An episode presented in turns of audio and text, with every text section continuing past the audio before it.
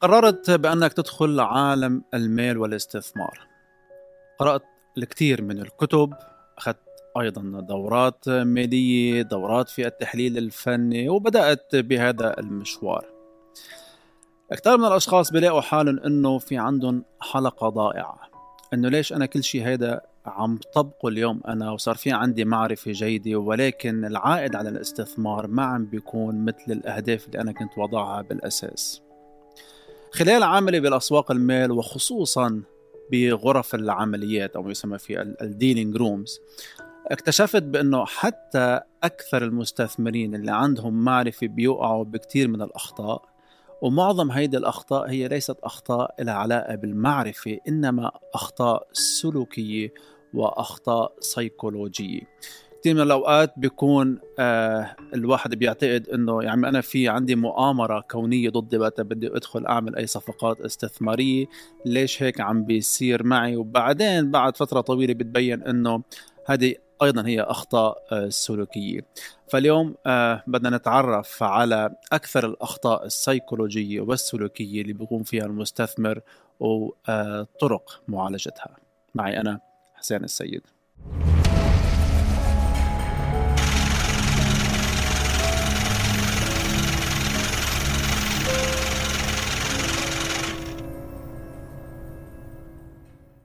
أنشأت شركة جديدة ووضعت فيها رأس مال ب آلاف دولار. على أمل أنه هذا المشروع يحقق لك مكاسب كبيرة. ولكن اتضح بعد فترة بأنه هذا المشروع فاشل.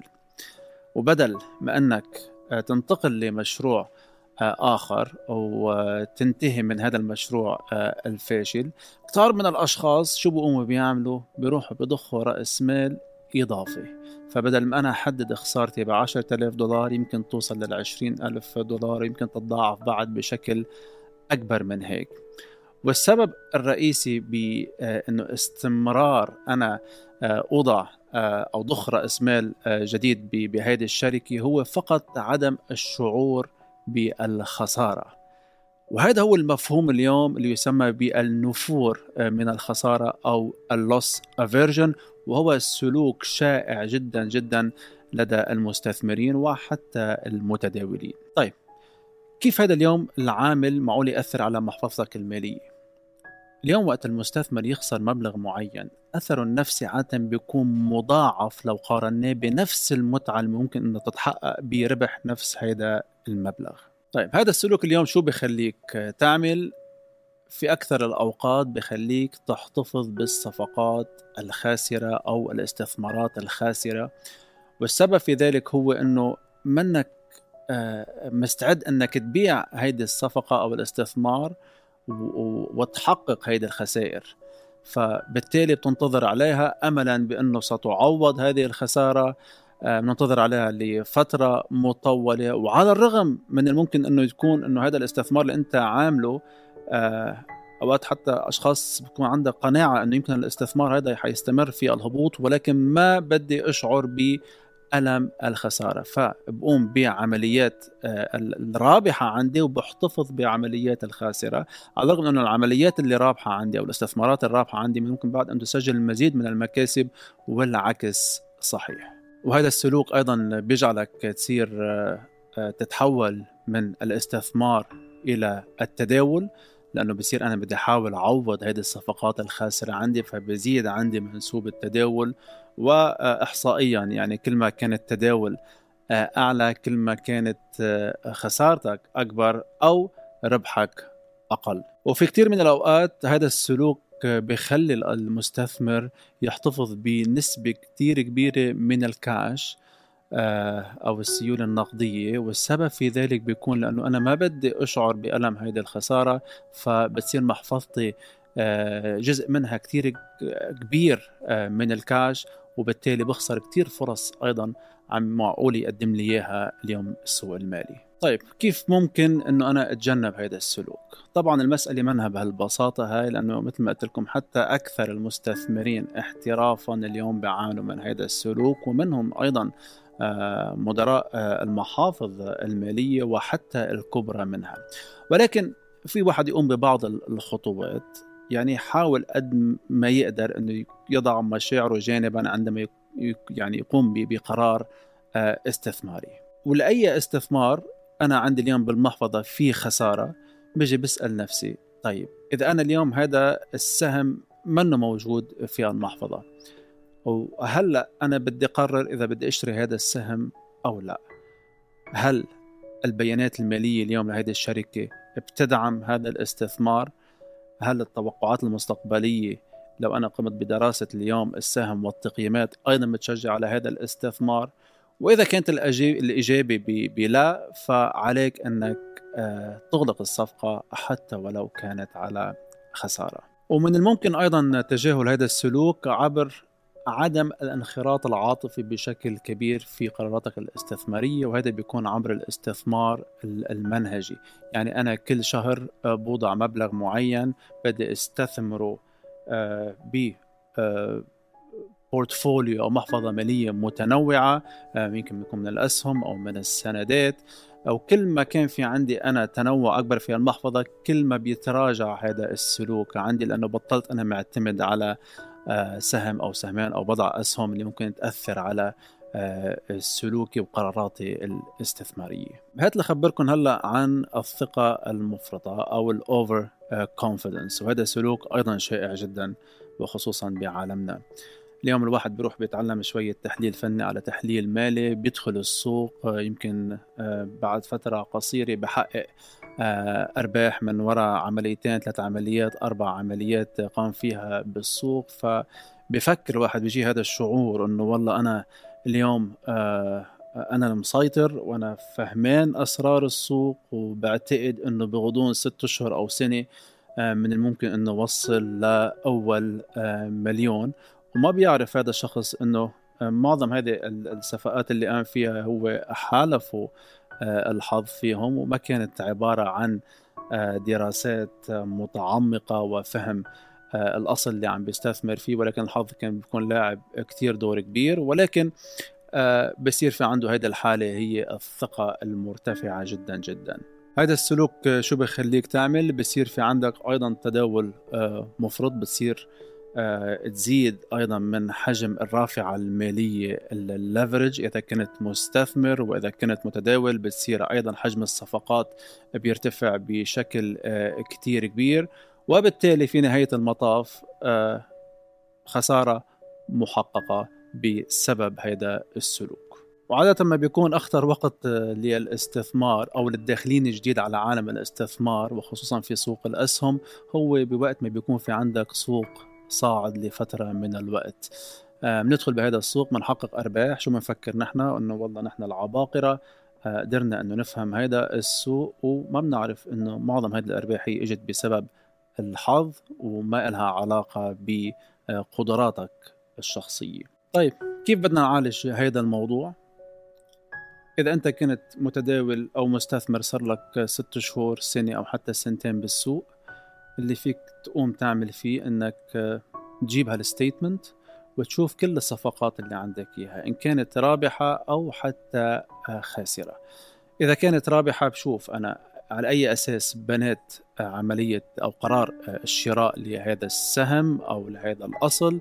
وإذا كانت خاسرة أيضا بقوم بنفس التحليل. عادة اللي عنده هذا النوع من ال overconfidence فعليا بس بيتذكر الصفقات آه، الرابحة وهذه هي عادة اللي بحطها على ال social media على الفيسبوك على الإنستغرام إنه شوفوا يا جماعة أنا شو عملت ولكن الصفقات الخاسرة آه، آه، لا يتطرق إليها وحتى هو بعود آخر شيء وبينساها.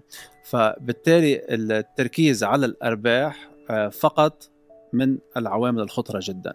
فأنا بطبع على الستيتمنت بشوف حتى الصفقات الخاسرة عندي ليش هي خاسرة؟ على أي أساس أنا بنيت قرار الشراء؟ آه وهل آه كان آه قرار مبني على آه دراسات مالية محددة أم لا؟ وبقوم بهذه المراجعة بشكل دوري. ومن هيدي المراجعة أنا حلاحظ إنه والله في عندي patterns هيدي عم بتصير عندي كل مرة بأخطاء معينة. أنا عم عم عم برتكبها ومنها من الممكن إنه أتعلم وحاول أتجنب هذا الشعور بال overconfidence أو السيطرة أو الثقة المفرطة. ننتقل لسلوك ثاني وهو أيضا من آه، السلوكيات الشائعة جدا ما يسمى في الانحياز التأكيدي أو ال confirmation bias اليوم على فرض اشتريت سهم معين خلينا نقول سهم تسلا وهذا السهم بدأ يتقلب عندك في المحفظة المالية وأنت وضعت يعني آه، نسبة كتير كبيرة بهذا السهم. وبدك تاخذ قرار إنه أنا هل لازم خلي هذا السهم أم لازم أتخلص منه؟ المشكلة اليوم بهذا السلوك إنك بتروح بتحاول تبحث عن المعلومات اللي بتأكد على نظريتك بأنه هي صحيحة شراء هذا السهم. بتحاول تتجاهل أي أخبار سلبية متعلقة بالسهم وبتنظر فقط على الأبحاث اللي بتقول لك والله إنه هذا السهم من المفترض إنه قيمته تتضاعف بعد خمس سنين أو التقييمات اليوم تدعم شراء هذا السهم آه، أو إنه آه، اليوم المنتجات لدى هذه الشركة هي اللي حتسيطر على السوق وبتتجاهل كل الأخبار السلبية.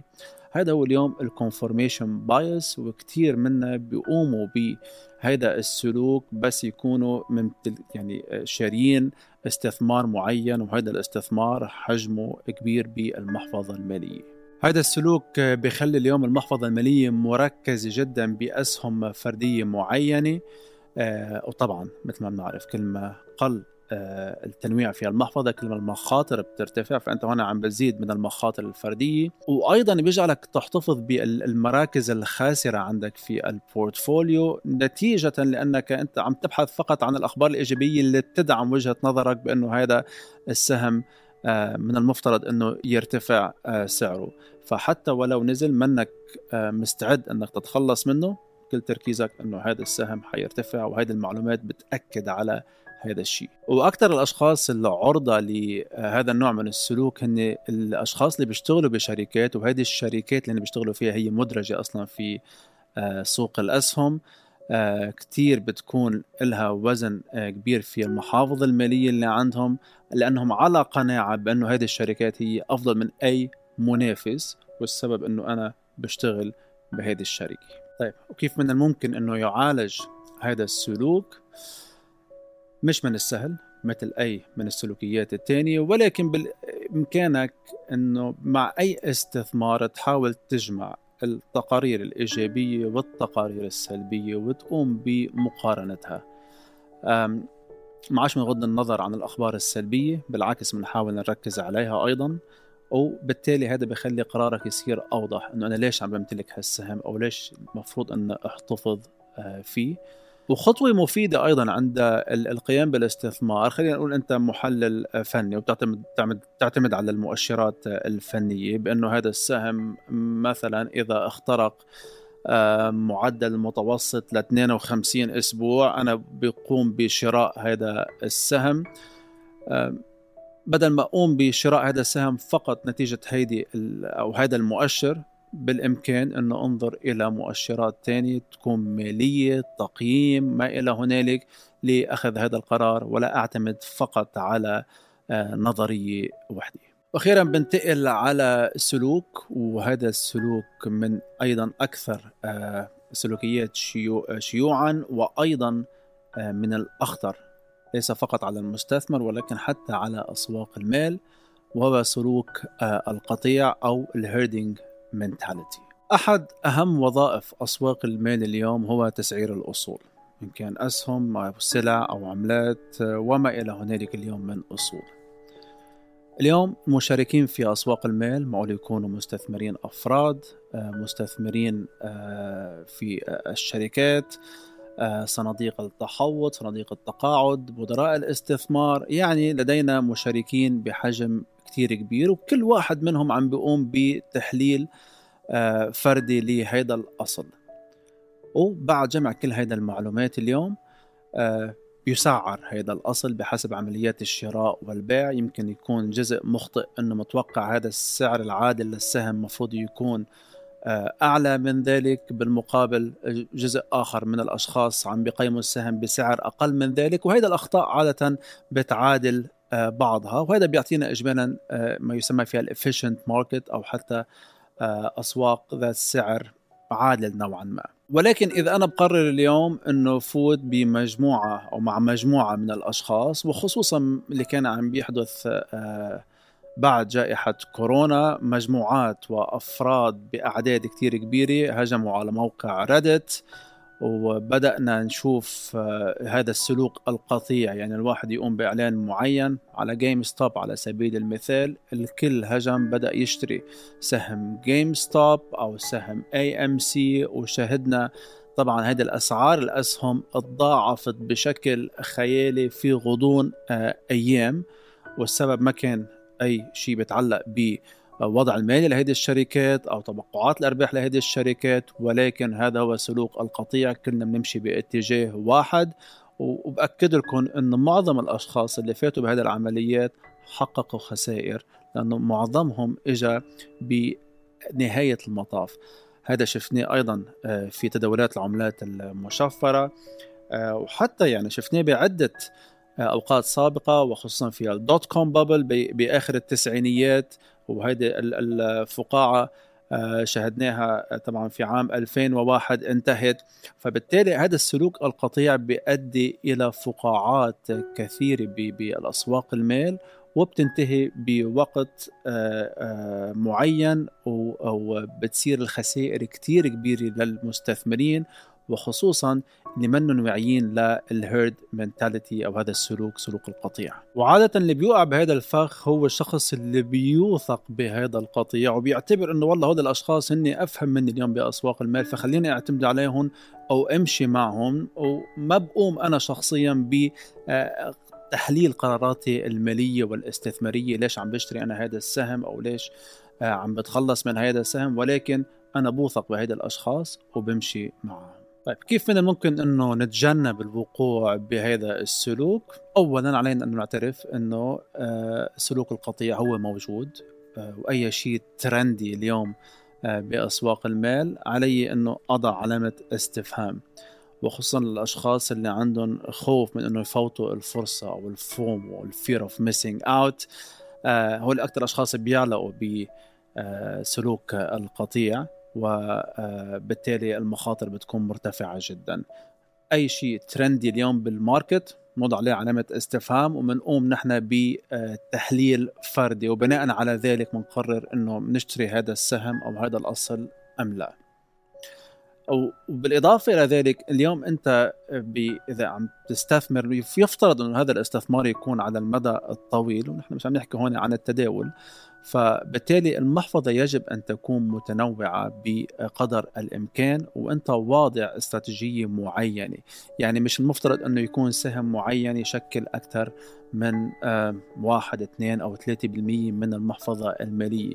فبالتالي حتى ولو تشجعت وبدك تدخل بهذا السهم اللي كتير ترندي اليوم بيكون تأثيره على المحفظة محدود لأنه حجم وأيضا في المحفظة محدود لأنه كل ما زدت من آه، حجم استثمار اليوم آه، محدد أو السهم محدد في المحفظة كل ما رفعت من منسوب المخاطر اللي عم بتعرض حالك إلها.